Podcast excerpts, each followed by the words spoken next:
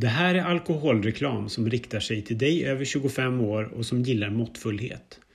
Nu kliver vi in i årets mellosäsong och för att förgylla årets bästa period har vi med oss vårt favoritbubbel Olla MZ Cava by Måns Zelmerlöw. En spansk, vegansk och ekologisk kava som vi fyllt glasen med det senaste året och det fortsätter vi såklart med under hela mellosäsongen. Självklart är den signerad artisten, programledaren, Eurovision-ikonen och vår gode vän Måns Zelmerlöw. Olla MZ Cava by Måns Zelmerlöw kostar 99 kronor och finns hos nästan alla systembolag.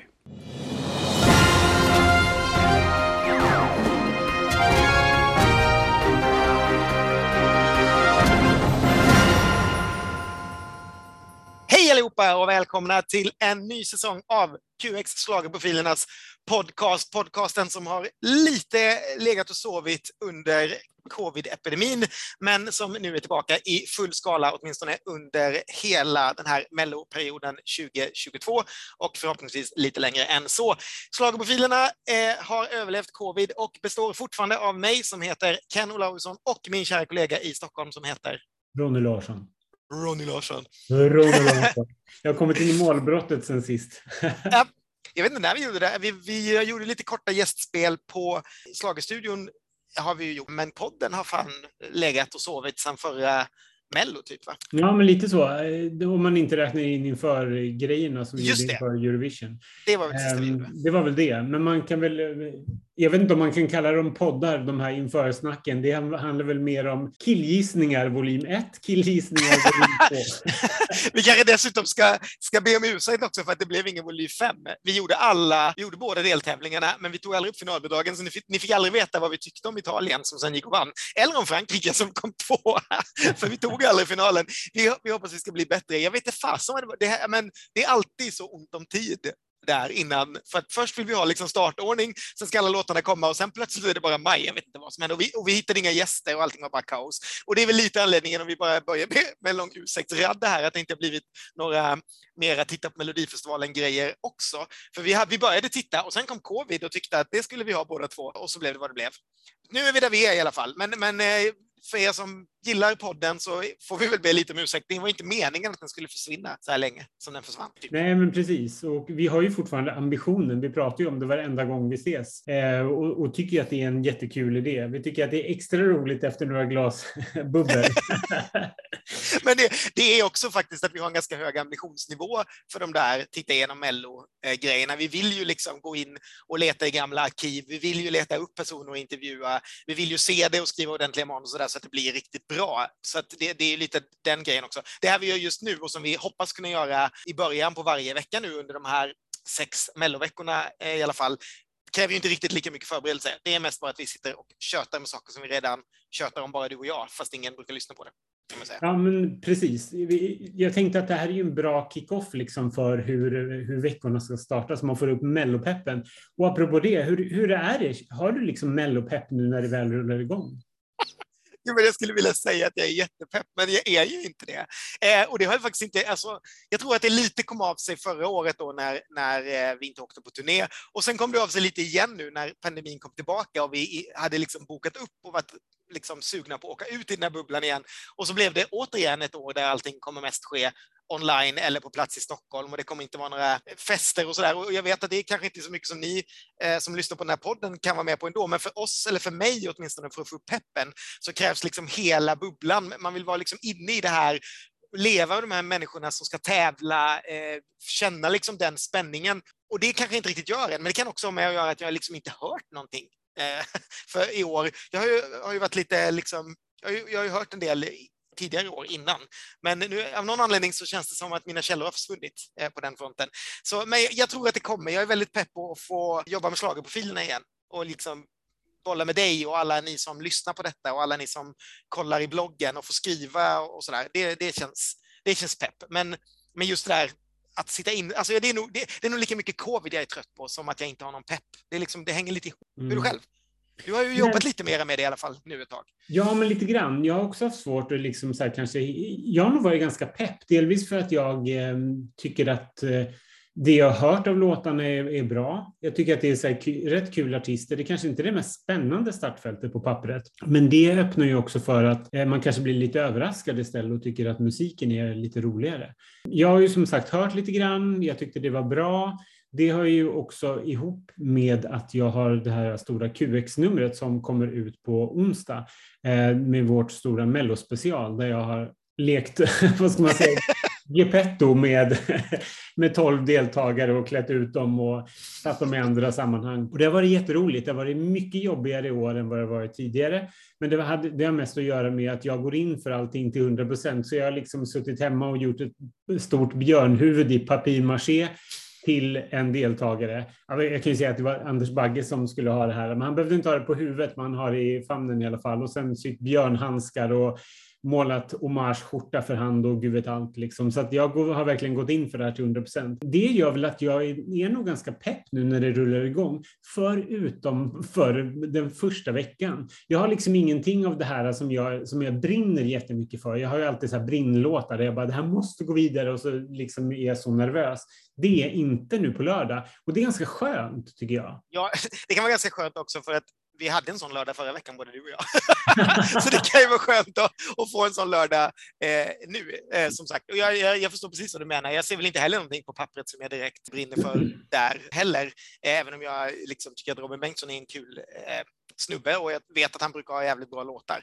Så att det är väl det jag är mest nyfiken på i, i det gänget som, som dyker upp på lördag. Men det här kommer vi att älta nu eh, i slutet på veckan så att eh, vi tänker väl att de här måndagspoddarna kommer väl kanske mer att vara eh, en sammanfattning av det som hänt veckan innan så vi kanske inte ska gå in så mycket på vad vi tror om låtarna utan det får ni, får ni höra på onsdag för vi eh, kanske ska prata om det lite snabbt vad det är vi kommer att göra. Vi kommer få höra låtarna på onsdag förmiddag så då kan ni nog räkna med att det kommer att komma grejer både på qx.se, i bloggen och på Instagram brukar vi skriva med en gång. Och sen kommer det en slagstudio när vi första gången har hört låtarna. Och sen på torsdag får vi se rep online och då kommer vi väl att prata om dem. Vi kommer inte få sitta i, någon, i Globen och titta på dem som vi gjorde tidigare i år, utan det blir eh, ja, vad vi tycker från de här klippen. Och förra året tror jag vi fick se ett helt rep.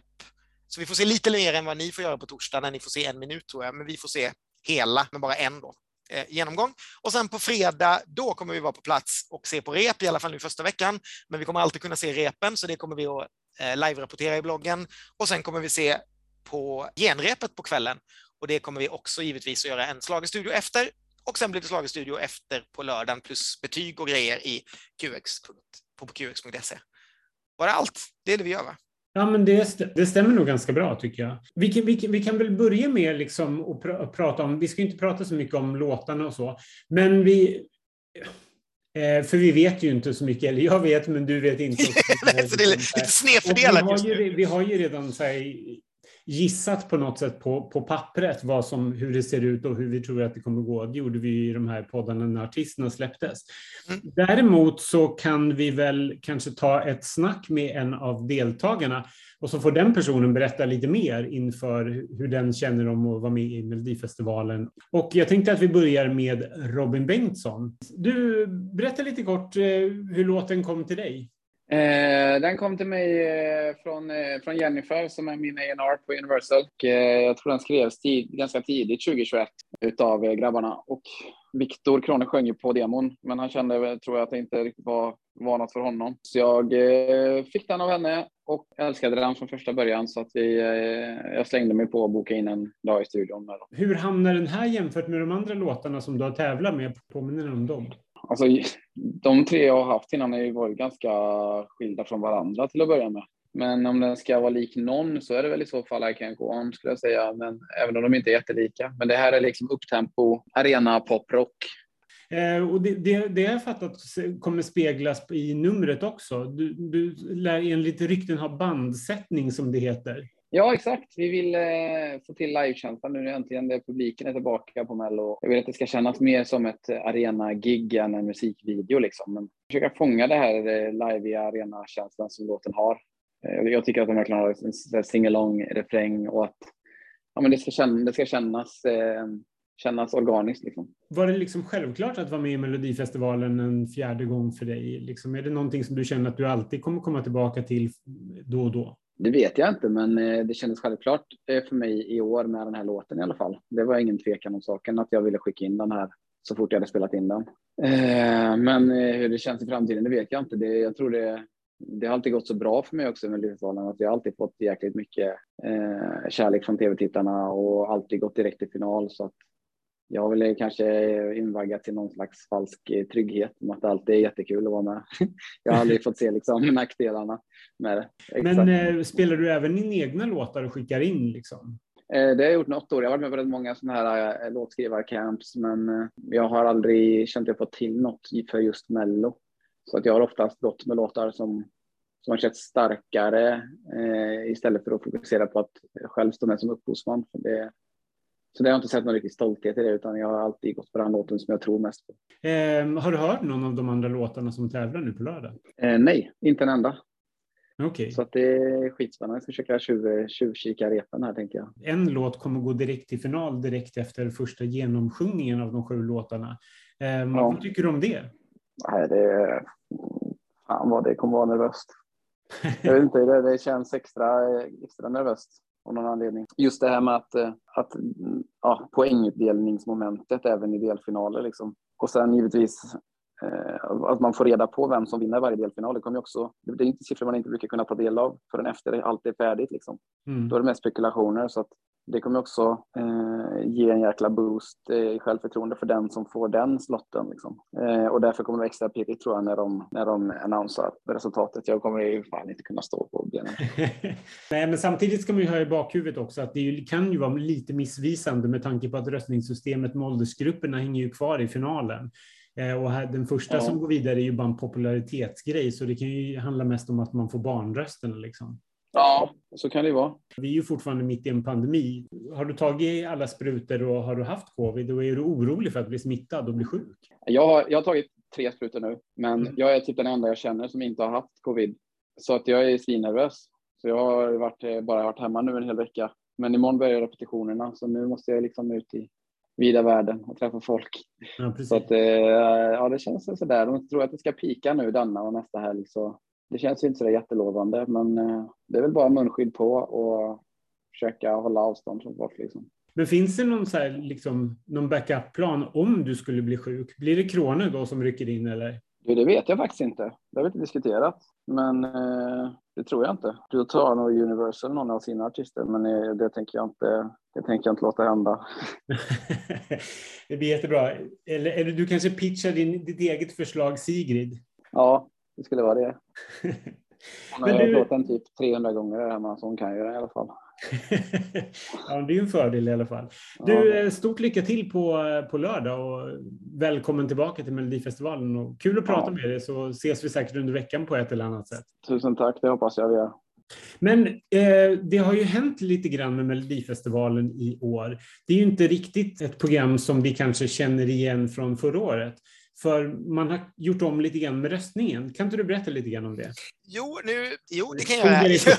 om, om, jag, om jag kommer ihåg rätt. Nej, men skillnaden är väl att vi kommer eh, först höra alla sju låtarna och sen kommer den låten som har fått flest röster, alltså bara totalt den som folk har tryckt in mest hjärtröster på rakt av, oavsett åldersgrupper. Så eh, om det skulle vara så att det är en miljon barn, eh, eller om det är två miljoner barn som tittar och en miljon eh, vuxna, så blir det barnfavoriten som går vidare direkt, till exempel. Det är alltså oavsett liksom åldersgrupper så är vi tillbaka på det gamla sättet vad gäller första omgången och då får vi reda på vilken låt som går direkt vidare och sen plockar man bort den och det, så går alla de andra sex vidare istället för att bara, som det var i tidigare år, att fem går vidare, så går alla de sex som är kvar vidare in i en andra omgång. Jag antar att det blir en snabbrepris på alla då bara.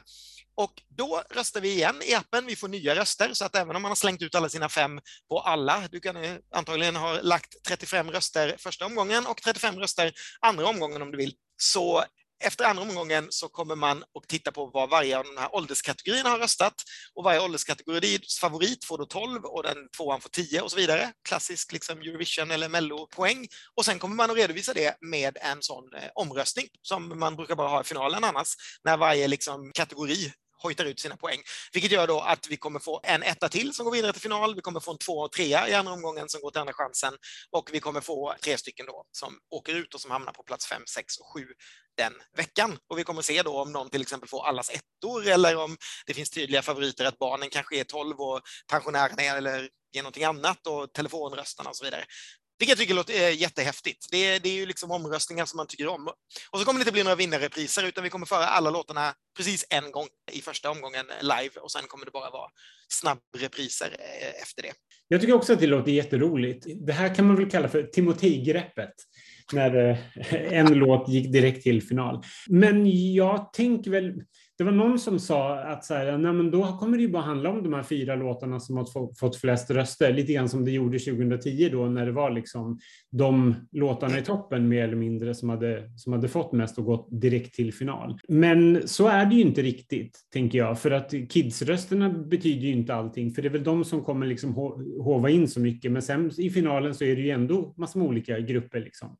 Ja, precis, så tror jag också. Jag menar, för 2010, det var ju faktiskt en värdelös grej att göra då, för det, det, dödade ju lite låtar som till exempel Darin eh, det året. När, när, något, när man liksom visste att, person, att det inte var en favorit ens i sin deltävling så tänkte folk, ja, ja, okej, då kanske det är någonting jag ska rösta på i finalen. Men det är ju lite annorlunda nu då eftersom det är två olika typer av omröstningar och det är ju det sättet som vi röstar i andra omgången, alltså då när redan en har gått vidare, som gäller i finalen sen. För då delas ju poängen ut enligt de här åldersgrupperna. Då är det ju inget sånt här mesta eh, antal röster grej eh, vinner, utan då, då är det ju de här grupperna direkt. Så det betyder ju inte att liksom den som vinner andra gången när det bara är sex kvar, att den är lite mindre favorit egentligen. Den kanske är en större favorit till och med än den här första som har gått vidare. Det vet vi inte, det kommer vi förmodligen inte veta förrän efter finalen, men dynamiken känns ju lite annorlunda och det blir ändå lite så här, lite flera roliga moment med glädje och det blir förmodligen lite flera intressanta moment i rutan när man de här artisterna ska sitta och tvingas att le när de får ett och två år. Eh, och sådär. Det, är, men det är massa där delar som jag verkligen gillar med de här poänggrejerna är ju det som är det bästa med Eurovision och mellofinalen. Så jag tycker det är jättekul att de har tagit in det i deltävlingarna också. Sen kan vi komma när vi kommer till finalen och diskutera lite att jag kanske tycker att där kanske man skulle gjort om ett helt annat sätt också, för då tycker jag att det, det är lite ett annat sätt när man ska välja en vinnare och en, en låt som ska till Turin och så vidare än när man väljer i deltävlingar om man bara vill forsla vidare liksom the best of the best till en stor final. Men det kan vi ju ta så vi har någonting att prata om i den här podden vecka fem. Ja, men precis. Vi vet ju egentligen inte så mycket om i övrigt om hur programmet kommer att se ut. Vi har ju knappt fått se scenen om man, om man inte följer det här snigelgrejen på i appen är det väl där man kan se yep. hur scenen tar form. Och SVT Play. Det är både i appen och SVT Play. Men vi vet inte hur scenen kommer se ut. Nej, utan det, de gör det så här i år istället. Ja, det är ju spännande att se någonting växa fram. Vi vet heller inte riktigt hur det kommer bli med publiken, eller? Nej, det vet vi inte. De har ju sålt väldigt mycket biljetter, så jag antar att det finns någon sorts eh, planlösning, så att de som har köpt biljetter och har biljetter vet säkert mer än vi där, eftersom vi inte behöver det. Men vad jag förstått så kommer det finnas en pressläktare som alltid kommer vara till oss.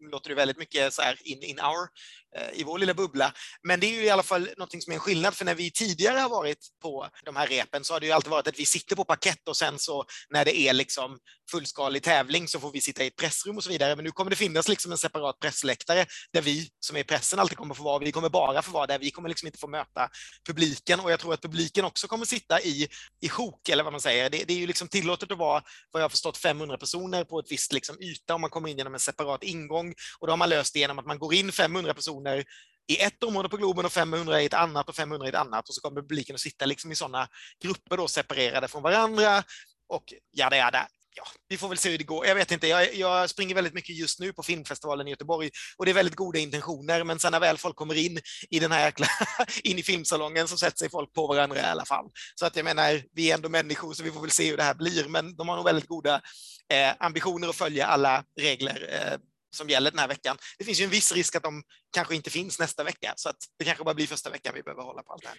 Nej, men där undrar jag lite grann, för man pratar ju redan om att, att det kommer hända någonting, för de här restriktionerna gäller ju fram till den 9 februari, mm. eh, vilket för övrigt är schlagerprofilernas födelsedag. Ni kan redan nu fundera på hur ni ska gratta och överraska oss på bästa sätt. Men då tänkte jag på, skulle saker och ting kunna ändras, liksom att vi helt plötsligt släpper på en, en publik, då, full publik helt enkelt, från och med nästa deltävling? Det tror jag. Eh, frågan är om det blir från och med nästa deltävling. Jag antar att de måste gå ut och säga vart de ska vara ganska snart och börja sälja biljetter ganska snart. Så att det, det är ju just nästa vecka också känns ju kanske, det blir svårt att sälja biljetter på en dag mm. som folk ska gå på. Så den kommer säkert att vara samma som denna veckan, och om det nu kommer vara igen i Globen en vecka till, men vi antar väl att de kommer vara kvar där. Eh, men efter det så skulle det förvåna mig mycket om inte Live Nation vill bränna in så mycket folk som möjligt. Det, handlar om, det är klart det handlar om pengar i mm. slutändan och det är så mycket folk. Och såklart en upplevelse för artisterna som står på scen. Och jag vet, det viktigaste är väl, jag tror inte att det blir någon skillnad, kanske, alltså, det är klart det kommer att vara skillnad responsmässigt i en full Globen eller i en restriktionsgloben, men det kommer ju ändå vara ganska samma för de som tävlar den veckan, så det kommer inte bli orättvist på det sättet. Eh, och jag menar, det är, det är ändå de som sitter framför tvn mest, så det kommer inte bli liksom, bara för att det råkar vara flera på plats så kommer inte de få en större fördel eller så, det tror jag inte. Och sen hoppas jag ju att allting kommer att vara borta till finalen, så vi får sitta i ett fullt Friends, liksom, så att cirkeln blir lite sluten till, till 2010 det man ser i andra länder nu är att man öppnar upp för man helt enkelt bara ger upp. Det går liksom inte att stoppa omikron ändå, utan liksom har du inga symptom så får du gå ut och så är det bara på att hoppas att folk håller sig friska. Liksom. Men visst, jag tror att de kommer släppa upp så fort de kan. För allas, liksom, för pengar, för artisterna, för att folk ska kunna springa och se. Ja, vi får väl se helt enkelt. Det låter ju väldigt härligt dock att, att öppna upp för tredje deltävlingen då Linda Bengtzing och Anders, Anders Bagge tävlar. Eh, tänker jag. Linda Bengtzing lever ju på kraften från publiken, tänker jag. Så det blir ju, det blir ju kul. Men vilket... Anders Bagge lever på Cheiron-låtar. Ja. Men han är ju van att sitta i ett fullt Globen, så det blir, det blir väl käckt. Jag tänkte hoppa tillbaka lite grann till det du pratade om tidigare, vi, om vad vi, vad vi gjorde i helgen. För vi kan ju ta ett span ut till omkringliggande länder i alla fall, eh, någon mm. slags Eurovision-koll light, och, och prata lite grann om vad som har hänt eh, medan de andra länderna har börjat. För tredje helgen så såg vi ju den norska uttagningen. Det är inte kul tv och det är framförallt inte kul låtar. Det är jättekonstigt att de har misslyckats så, så hårt med tanke på att det var väldigt bra ändå förra året och de fick ihop en, en ganska stark final. Ja, förra året var det ju så här, det var väl liksom så här om man tittar ut i Europa, det var en av så här fansens favoriter, National Final eh, mässigt. Ja. Och de hade ju faktiskt en hel del. Det var ju mycket, alltså, dels hade de ju två ganska starka vinnarkandidater då, vilket gjorde ju det häftigt. Det blir alltid kul när det är liksom två sådana enorma liksom, saker som, som eh, brände igång när de hade både liksom Tix och Keino. Men också de hade mycket annat kul, även om, ja, alltså i, i, olika kategorier. Och jag tyckte de hade mycket roligt som de rensade bort också. Och i mm. år, på tre veckor, så har jag inte hört någonting som jag tycker är kul. Ja, den, den låten som var direktkvalificerad i första tävlingen var väl okej, okay, men annars tycker jag inte att de har någonting. Det är verkligen Nej, det, det är fruktansvärt. Och framförallt det de har, det de röstar vidare är också så här, det kan man ju liksom skaka på huvudet, men det är ändå Norge. De brukar vara ändå ganska lika oss, att man kan, mm. man kan fatta hur de röstar. Men nu förstår jag ingenting. Det är så fruktansvärda grejer i mina öron. Eller inte fruktansvärda, men helt meningslösa saker så... som går vidare. Ja, men det är så otroligt meningslöst. Och varje lördag har jag tänkt så här, ah, ja, men det blir, en, det blir i alla fall den där. Nej, det blir inte. Det blir liksom det sämsta tänkbara alternativet som alltid går vidare. Ja. Så, de röstar så otroligt märkligt. Och det är just det som du säger, att ingenting är jättedåligt. Det är bara det att det, det är en stor axelryckning. Det är verkligen ingenting. Det är sådana låtar som har sorterats bort i juryrummet i Sverige redan första dagen. Det här är liksom ingenting som kommer utmärka sig överhuvudtaget. Det är jätte, jättemärkligt och det är jättetråkigt program med tre programledare där det verkligen, alltså det är så genomsyrat av liksom den här restriktionsgrejen ja, och pandemin och allting. Där man liksom pratar om de här fyra låtarna till, för, till förbannelse eh, med olika experter och folk som vinkar hemifrån. Och, men det är så tråkigt tv verkligen. Ja, men sen är det också så att de, de har ju väl ja, de har lika många deltävlingar som vi han har chansen att final, men de har ju bara fyra låtar i varje program. Och det är för lite. Kom mm. igen mm. Norge, liksom. det blir svintråkigt att se dem om och om igen. Alltså samma, liksom, de ska mötas och hålla på. Det, och det är liksom, det är ju saker, vi vet ju när vi ser på Mello, det är klart att det är så. Det är ju liksom, det är sju låtar som är varje vecka och det kanske är tre som man vill ha i final. Och det är väl mm. så det ska vara, för man fyller ut, men de, då behöver man ju inte liksom dra på det andra mer. Men här är det som att de där som rensas bort, som du säger, dels redan i juryrummet, men sen också liksom i ett senare skede, de ältas om och om igen. Nej, det där är jättetråkigt. Och framförallt, som du säger, det ska bli så skönt att det ändå är någon form av publik i Globen. För det, jag är så trött på det här nu med liksom program där de ska stå och skrika rakt ut till ingenting och försöka mm. vara roliga och bara Ja. Sen har ju de ju drabbats av covid så det smäller om det där programmet. Det är alltid en programledare som är borta och nu var det artister. Det, det är inte lätt med restriktionerna som är när, någon, när omikron härjar. Så det är väl egentligen bara en tidsfråga vem som är den första som ryker i Mello. Vem mm. blir den första artisten som vi kommer få se ett inspelat rep Sen får, måste vi ju prata om Spanien, eftersom vi har varit så engagerade i Spanien. Spanien som ju liksom väl tittade lite på Italien i fjol och insåg att okej, okay, varför kommer vi alltid sist när Italien lyckas? Och skakade liv i, i någon eh, gammal festival som heter Benidorm Fest eh, och gjorde liksom lite samma upplägg som Italien nu kör denna veckan då med sin klassiska San Remo-festival. Att man kör först semifinalerna på vardagarna och sen en stor final på lördagen. Och det gick ju, det gick ju väldigt bra, måste jag säga. Det var ju inte ett tråkigt program. Det kan jag inte säga. Nej, men det tycker inte jag heller. Jag tycker det var jättehärligt. Jättekul. Jag fattar ju hyfsat, alltså förstår ju spanska hyfsat i alla fall. Så det gjorde ju att det var ganska kul att se. Så såg jag det med en kompis som, som förstår spanska ännu bättre, så det gjorde det hela ännu roligare. Men där var det ju verkligen så här, det var kul för det var ju liksom bra, bra låtar. Och det var ett härligt program. De hade ju allt det som inte Norge har. De hade ju många låtar som var var bra och även de låtarna man kände så här, ja men de här kommer nog inte att vinna, de var ju bra. Det fanns ju liksom även det som man kanske inte, alltså man förstod varför allting var där. Även det som, som inte kan gick till final tyckte var helt okej okay. och det som var i final, alltså de hade ju liksom sex riktigt liksom bra låtar och, och framförallt hade de ju tre stycken låtar som alla tre kunde vinna, vilket gjorde att det blev otroligt spännande och alla tre kändes väl liksom som tänkbara Eurovision-kandidater som man skulle vilja se hur de skulle gått i Eurovision, alltså liksom tre olika scenarier där man skulle vilja liksom veta ja, hur det hade gått för alla tre. Nu blev det bara en då såklart, som vann, nämligen Chanel med låten Slowmo, som väl kanske inte var din och min favorit, men eh, det var väl helt okej, okay, eller vad, vad, säger vi om Chanel? Jag var imponerades av henne på scenen. Hon, hon sjöng ju otroligt bra för att röra sig så mycket. Det var nästan så att jag bara, men är det här verkligen live? Och hon rör sig ju ursnyggt verkligen. Alltså det är ju väldigt mycket Eleni Foreira rakt igenom. Och det är väl lite grann låten också. Alltså den är i samma skola som alla de här eh, som har varit ända sedan Eleni tävlade i Lissabon. Att vi har sett den typen av bidrag. Jag tycker att den här är lite modernare. Den är mm. lite coolare och den är lite mer latinamerikanskt modern än liksom slager så som typ El Diablo var. Jag håller med dig 100 procent. Jag tror att den här kommer från ett helt annat håll mm. Eh, än vad de gör. De där låtarna är ju konstruerade såklart, för jag menar Cypern, hej, de är ungefär lika latino som Sverige, alltså sådär även om vi försöker här och ingen skugga på Alvo, han dyker snart upp. Men, men eh, du förstår vad jag menar, det här, det här mm. kommer ju från rätt håll. Hon är född på Kuba men bor eh, och är uppväxt i Spanien. Eh, hon, de har ju sneglat liksom på det som, som ligger på, på topplistorna, på liksom latin-topplistorna och inte på Fuego och och, och det hållet eh, tror jag, utan de, de, har liksom, hon har tittat på, på det som finns där och gått liksom från eh, utgått från de här liksom spanska, eller spanska, eller de latinamerikanska liksom stora artisterna och där. Sen så är vi då, när, vi, när man sätter det liksom i Eurovision-kontext så blir det ju liksom såklart att man nämner Fuego, för det är ju helt omöjligt. Men jag tror liksom att det kommer från ett annat håll och det hörs också i låten att den är, den är liksom den är mera modern. Det är lite, liksom, lite reggaeton-beat i den och sådär. Så jag, men jag tror absolut det kommer, gå jätte, det kommer gå bättre för Spanien än vad gjort på flera, flera år. Jag tycker att det här är ett av de bästa bidragen de har skickat. Sen är det ju inte Rigoberta då, som var vår favorit såklart, och som jag tycker ni ska kolla upp om ni inte har sett Ay Mama. Ja, verkligen. Jag älskade den så mycket. Jag, tycker, eller jag älskar den fortfarande, så att jag inte... det har blivit en sån här Nino Kim-grej, att jag inte klarar av att lyssna på låten några dagar efteråt. jag tycker det är så känslomässigt för mig. Jag är faktiskt likadan. Jag sitter här och skrattar åt dig, men jag har faktiskt inte lyssnat på den en enda gång sedan den inte gick vidare. Det är så här, ja, nu stängde jag den. Nu blir det inte mer liksom, aj mamma, det går inte, utan det får vi ta upp på liksom, efterfesterna någon gång. Men det ska bli väldigt kul att spela den på Euroclub eller på, på Bibar så småningom. Det kommer vara häftigt tycker jag. Det är en väldigt så här, allsångig avslut på den. Ja, men verkligen. Ja, men det, ser jag, det ser jag jättemycket fram emot.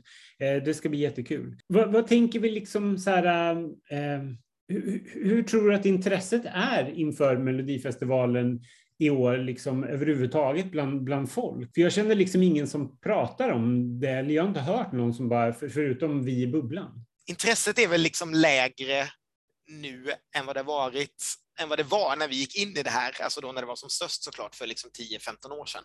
Men jag tror ändå att det folk längtar lite efter, i de tiderna vi är Man vill ha ett tv-program att samlas kring.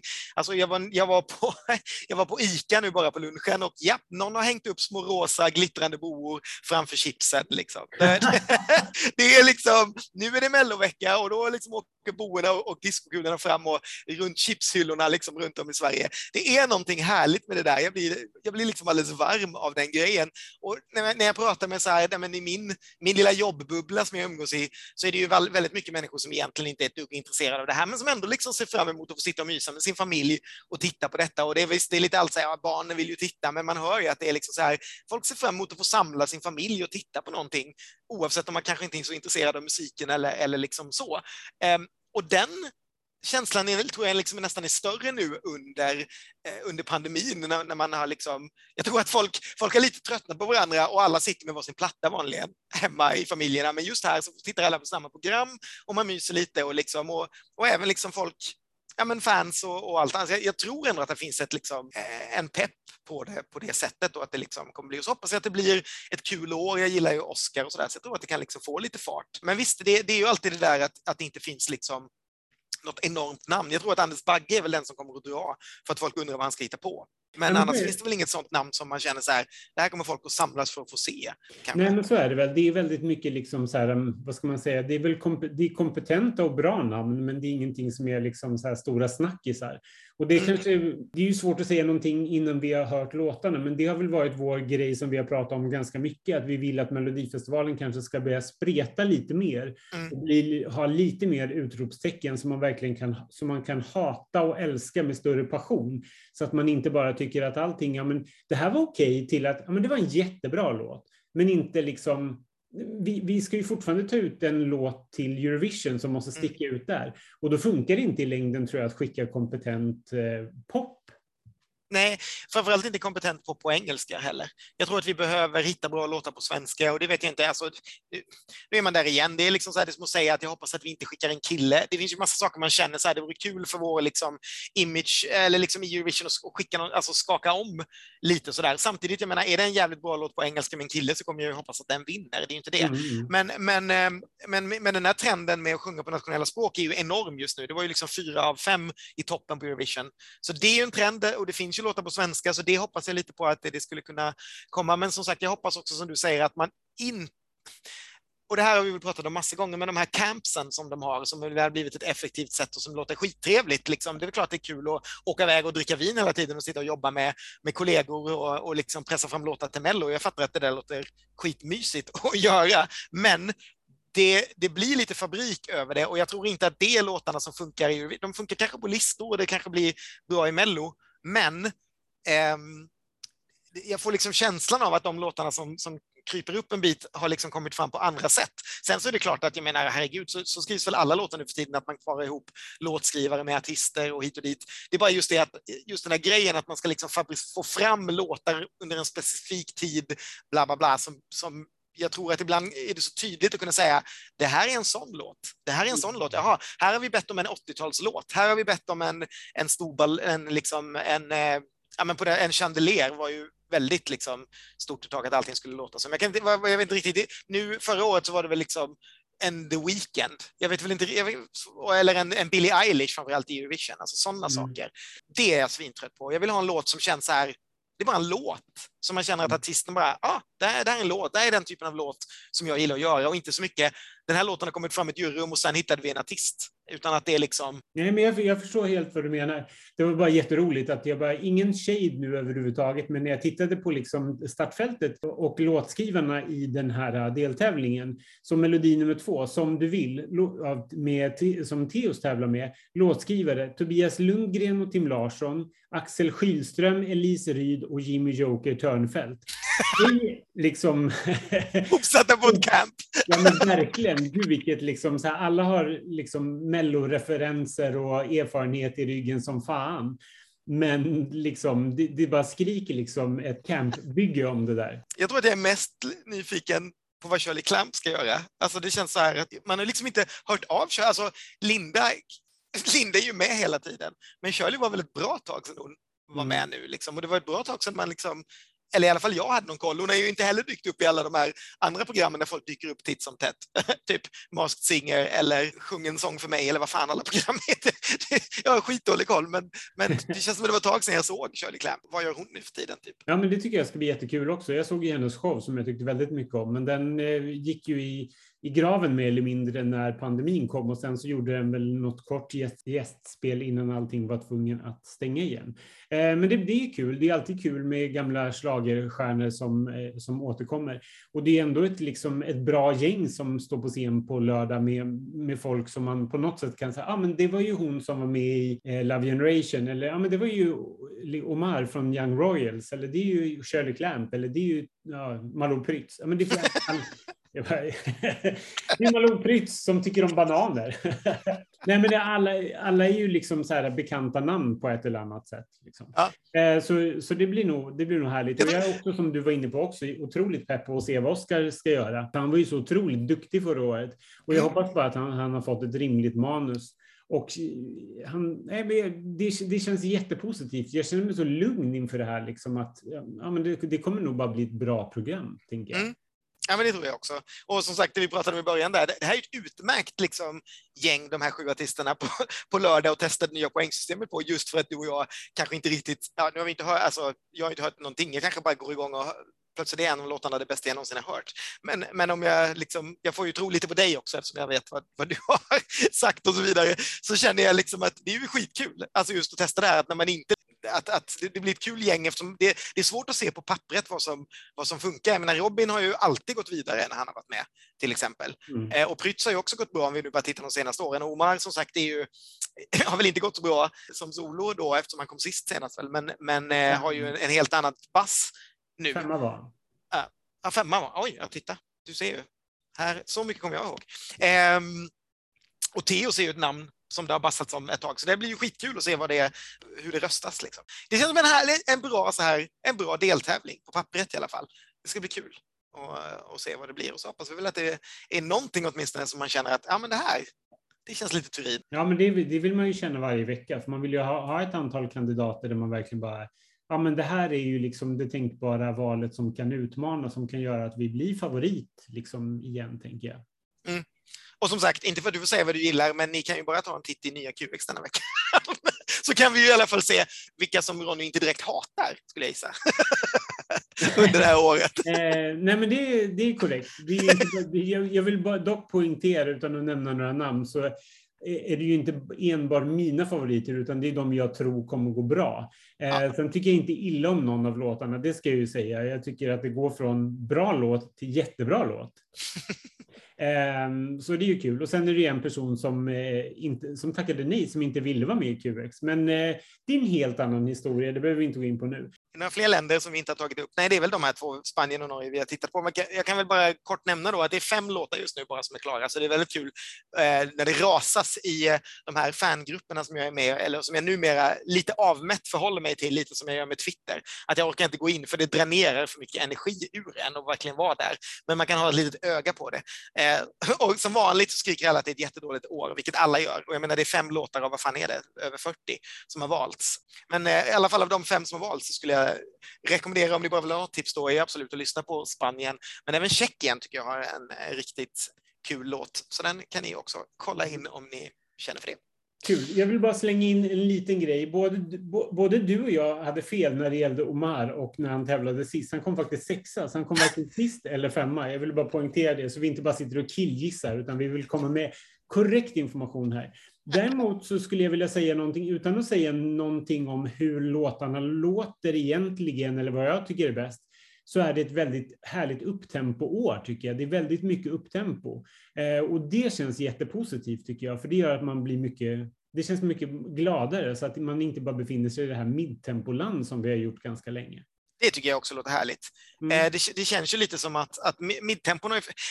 Det här, jag tänkte på den här innan. Vad vad tror, om vi nu satt på ett, på ett låtskrivarcamp, du och jag, i år, vad tror man liksom är låten som man ska skriva i år? Alltså om vi, om vi nu också sett, tro, om vi nu fortsätter också gissa att det går till så som, du, som jag gissade nyss, det kanske inte alls är så det går till på ett låtskrivarcamp, men om vi säger att det gör det och någon liksom kommer fram och här nu, det, nu ska ni skriva en låt inför Mello 2022 och då vill jag såklart att ni ska lyssna på det här? Är det liksom drivers license med? Ja, men jag, är, jag är faktiskt lite inne på det, att man, att man skulle gå åt det hållet. För det är ju inte bara liksom, Olivia Rodrigo hade ju ett fantastiskt år förra året. Mm. Men jag tänker även på de låtarna som ligger väldigt högt på listorna just nu, till exempel A, B, C, D, E, F, U med Gail, eller Fingers Crossed med Lauren Spencer Smith. De är ju också så här uh, ung, typ college lite rockigare Mm. i det landet. Liksom. Så det är nog en ganska bra grej. Jag vill liksom ha en så här Euphoria-låt som bara, det här är bara en låt, alltså som är så bra, som inte går att dra till något håll. Som mm. är liksom, jag vill bara ha något eget. Och det, det är verkligen... inte liksom så här quirky, konstigt bara för att det är eget, utan det kan vara en superhit, bara det, det kan vara en megaslager, bara det inte går att jämföra med någonting annat. Precis vad jag tycker också. Jag håller helt med dig där. Det får vara vad det vill. Det behöver verkligen inte vara för quirky. Jag är ganska trött på det också. Det behöver inte vara på en märklig lokal dialekt som någon ska tjuta på eller något konstigt instrument.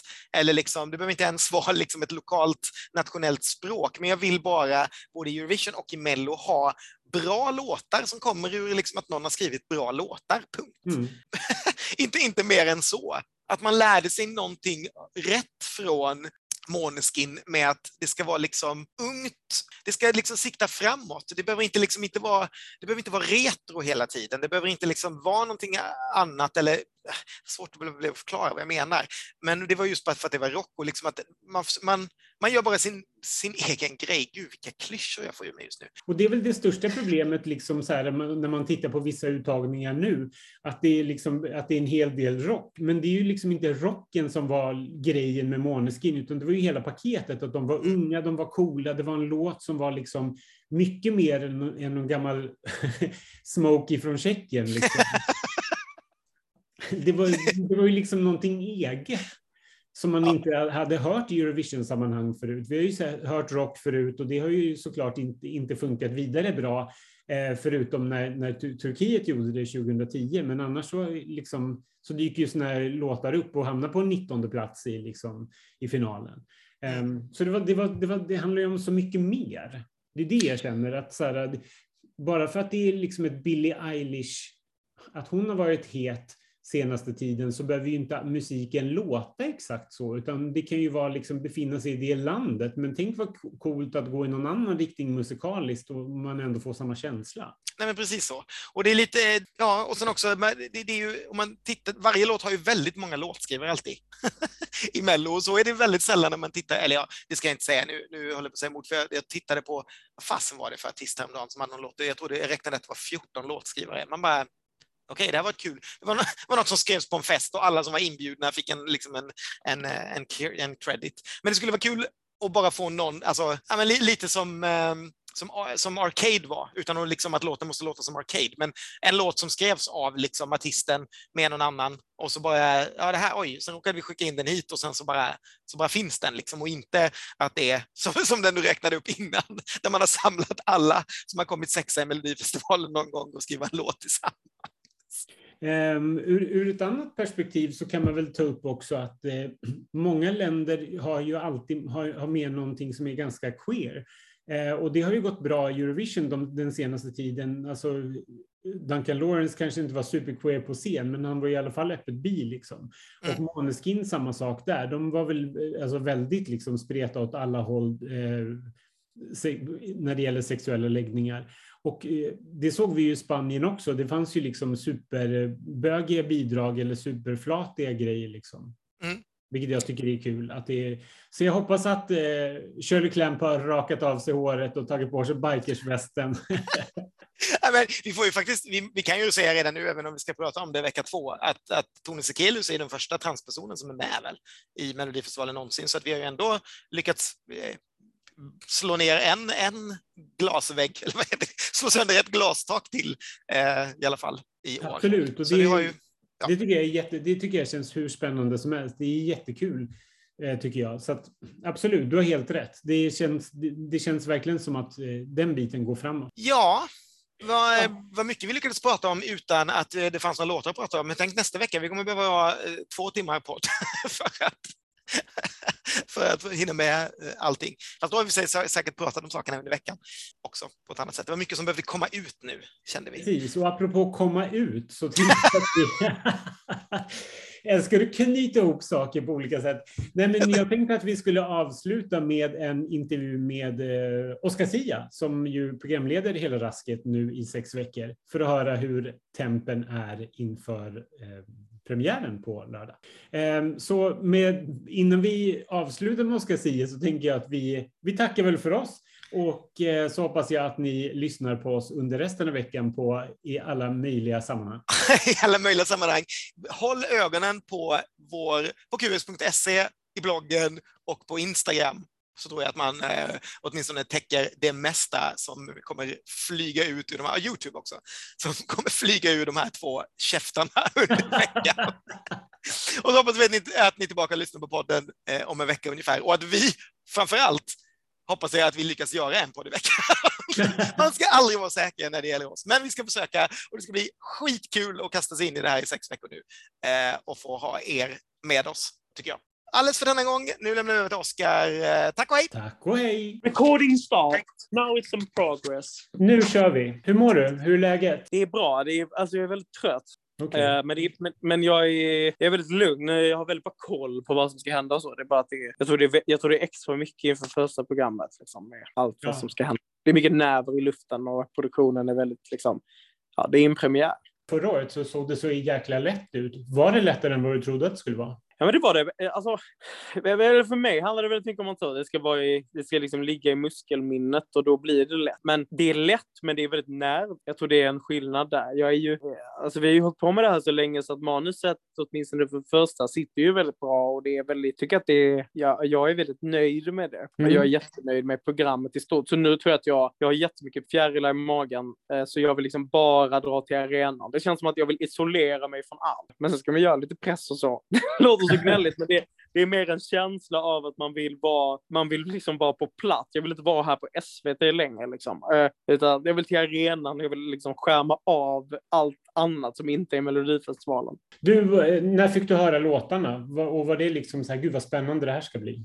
men jag tycker alltid att det är väldigt kul med låtarna. Jag är ju först med annars med att kolla så repetitioner från SVT Play. Alltså, jag tycker det är så himla spännande. Så, eh, jag fick höra dem i september kanske. I vilket sammanhang? Liksom? Var det ost och vin eller var det liksom en torr Ja, men lite sån stämning var det. Man hade lite sån stämning. Det var liksom en liten upplyssning. Så, eller, eh, eller vad heter det, eh, hemlig lyssning.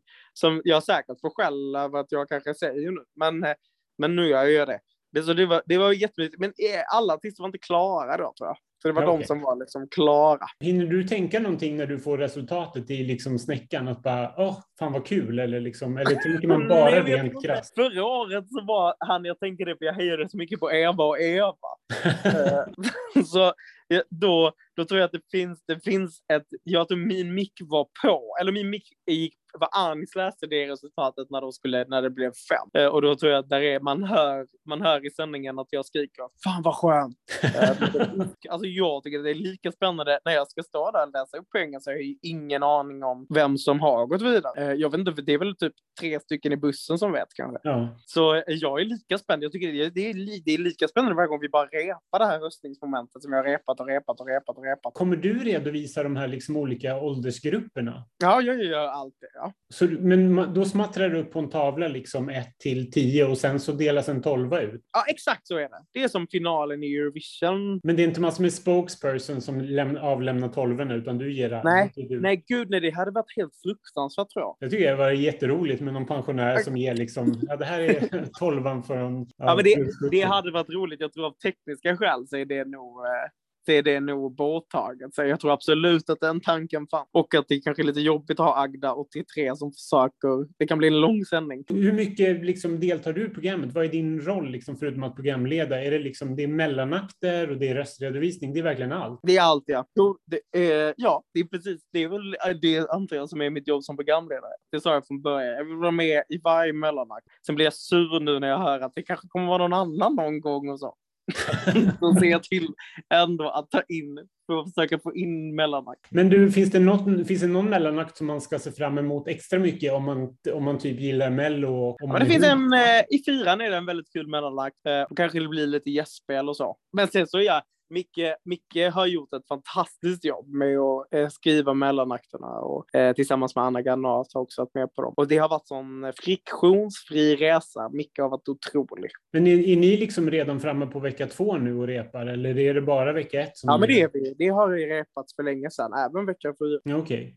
Är du sugen på att komma tillbaka och tävla i Melodifestivalen? Liksom att nu gör du ett större namn när du leder det och gör succé på det sättet. Nej, men det tror jag inte att jag är. Jag är det här är liksom drömkonceptet för för att, alltså skulle jag komma tillbaka till Melodifestivalen och, och tävla så tror jag att jag hade gjort det för att jag älskar konceptet. Jag älskar att vara där och, luft, och i luften, men jag är inte så intresserad av vad, jag vet inte riktigt vad jag skulle göra om jag ska vara helt ärlig. Jag känner att jag liksom är klar med det som artist. Jag, det, jag fick ju en jätte jättebra push och liksom visa att jag sjöng och visa min musik. Och det, det, jag känner att jag kanske liksom har gått vidare för det på ett sätt. Men man vet ju verkligen aldrig. Jag kanske står där och kör ändå. Mm. Det vore ju kul att vinna. Du, jag har hört att du inte är singel längre. Det stämmer. Är han intresserad av Melodifestivalen? Han är så ointresserad. Det, eh, det är... Jag, jag kommer hem och tycker något är skitkul så tvingas han lyssna på alla olika manusförslag och mellanakt. Nu blir du ju liksom så här programledare inför tre miljoner tittare och tidningarna kommer skriva. Är han beredd att bli liksom fru Mello nu? Det, det är till honom. Jag vet inte. Så helt ärligt tror jag att han redan är lite trött. Alltså han är världens bästa och är stöttad och allt för det. Men han är nog redan lite trött att det har varit mitt liv liksom sen september. Eh, och nu har jag varit så bara, jag kommer inte vara hemma nu från onsdag till söndag. Och då tror jag att han var liksom så, tack gode gud. Eh, och jag fattar, han måste säga mig tyvärr överallt. Så nu har jag försökt att inte säga när det är olika sådana PR-grejer och eh, intervjuer och så. Är han hemlig?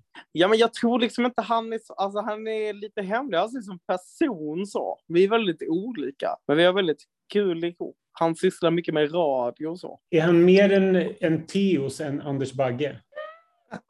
Nej, jag skulle säga att han är mer Anders Bagge. ja, vad spännande. Ehm, vad ser du mest fram emot? Utan att försöka låta sig maktgalen så finns det ju något väldigt kul i att veta något som ingen vet. Mm. Eh, och sitta där på makten och, och eh, plåga artisterna omedvetet. Men att det blir, jag vet hur det känns att vänta på ett resultat. Eh, men sen ser jag jättemycket fram emot bara för att liksom höra den där vignetten och få säga välkomna. Så att jag, jag är väldigt, väldigt peppad och jag hoppas folk också är det. Längtar du liksom efter att möta publiken och att det kanske blir en liksom påfyllnad längs turnén? det är ett, jag vet inget annat. Så, alltså liksom hur det är att leda med publik. Så att jag är ju, alltså till en början så var jag väldigt besviken. Jag kan få lite sådana små, jag är främst ledsen av alla som har köpt biljetter som inte får lov att gå. Och jag liksom, alltså framförallt typ så i Linköping och Lidköping där, liksom, där jag har känt sån jävla pepp liksom på Mm. sociala medier och så. Så det tycker jag är skittråkigt. Men det är också ett tv-program och jag tror att det upplevs bäst hemifrån egentligen. Och liksom vad är, I den största arenan så hade det kanske varit ja, 30 000 då, men det är fortfarande 3 miljoner någonting, någonting som sitter hemma och tittar. Och det är till dem jag gör programmet, så att det liksom, om jag börjar tänka så så känns det okej. Mm. Sen är det tråkigt rent socialt kanske, men det är ju grunden för den här pandemin att det, alla har ju lidit av det i, i två år. Eh, och det hade varit skitkul att liksom få träffa folk i Linköping, nu tar jag det som ett exempel, men att så här, gå på välkomstfest, gå på kommunfest, det hade varit kul, för kul att uppleva det i den makten som jag plötsligt besitter. Fanns det någon annan som var liksom aktuell som du, skulle, som du fick förslag på att så här, men led med henne eller med honom? Liksom? Nej, och jag ska erkänna att jag, det här jag tror inte jag har sagt, men nu säger det för jag har feeling. Men jag, jag var väldigt framfusig med att säga att jag gärna gör det. Det var inte många veckor efter att jag och Anis hade eh, gjort det här så sträckte jag snabbt upp handen och sa jag vill gärna göra det igen. Men helt, Har vi en eh, Eurovision-vinnare i startfältet? ja, absolut. Mm. Är det någon av låtarna från förra året som har liksom bitit sig fast som du har lyssnat på? Det- jag har lyssnat på den jättemycket. Okej. Eh, men, du, men det är ju, alltså sen tröttnar man. Alltså med, så är det ju med alla låtar. Så nu, det är skitkul. Men nu har jag lyssnat så mycket på dem på lördagens bidrag så att jag är, jag är också galen på dem. Det finns tre, fyra låtar som, är, som jag tror stenhårt på. Kommer ta hem det och kunna ta hem det stora. Har ni haft omröstningar bakom kulisserna liksom om vem som, vem som skulle kunna vinna? Ja, Ja. Har, du, Nej. eller jag vet inte, nu vet, du vet så mycket så jag vet inte vad man får säga ja nej. har du låtarna själv hemma? Ja. Okej. Inte, inte hemma på en disk, men vi har ju en, det finns ju en produktionsmapp som Ja, med allt ligger i med manus. Går du in då och då och lyssnar på låtarna och bara på dina favoriter? Eh, ja, men alltså det är verkligen, alltså jag det hela veckan. Men det är för att jag bara, det enda jag bryr mig om är Melodifestivalen just nu. Allt annat är irrelevant. Du, vilken vecka har du snyggast kläder? Jag har så snygga kläder alla veckor. Jag, det har liksom varit nummer två, eh, hårdast, hårdast arbetet. Gorjan stylar, Gorjan Lausigner, jag kan aldrig uttala hans efternamn. Men, och han är skitbra och han har också kliat sig blodigt för att jag, men jag tror att det är väldigt lätt att arbeta med. Jag tycker mycket han har tagit fram är perfekt. Men det har sytts upp och det har beställts och det har hit och dit. Okej, är han den senaste mannen som har sett dig naken? Nej, det är min kille då. Ja, vad fint. Mm. Kommer du fira när du är klar på något sätt? Eller kommer du bara stupa i säng? Nej, men jag vet, jag vågar inte säga att jag ska fira. Jag vet inte vad man får och inte får, men man får väl lov att ha fest. Ja. Det kommer att skålas med ett glas. Du, lycka till och det ska bli så jävla kul att se dig Ja. i, i det här. Tack. Tack snälla. Hej då.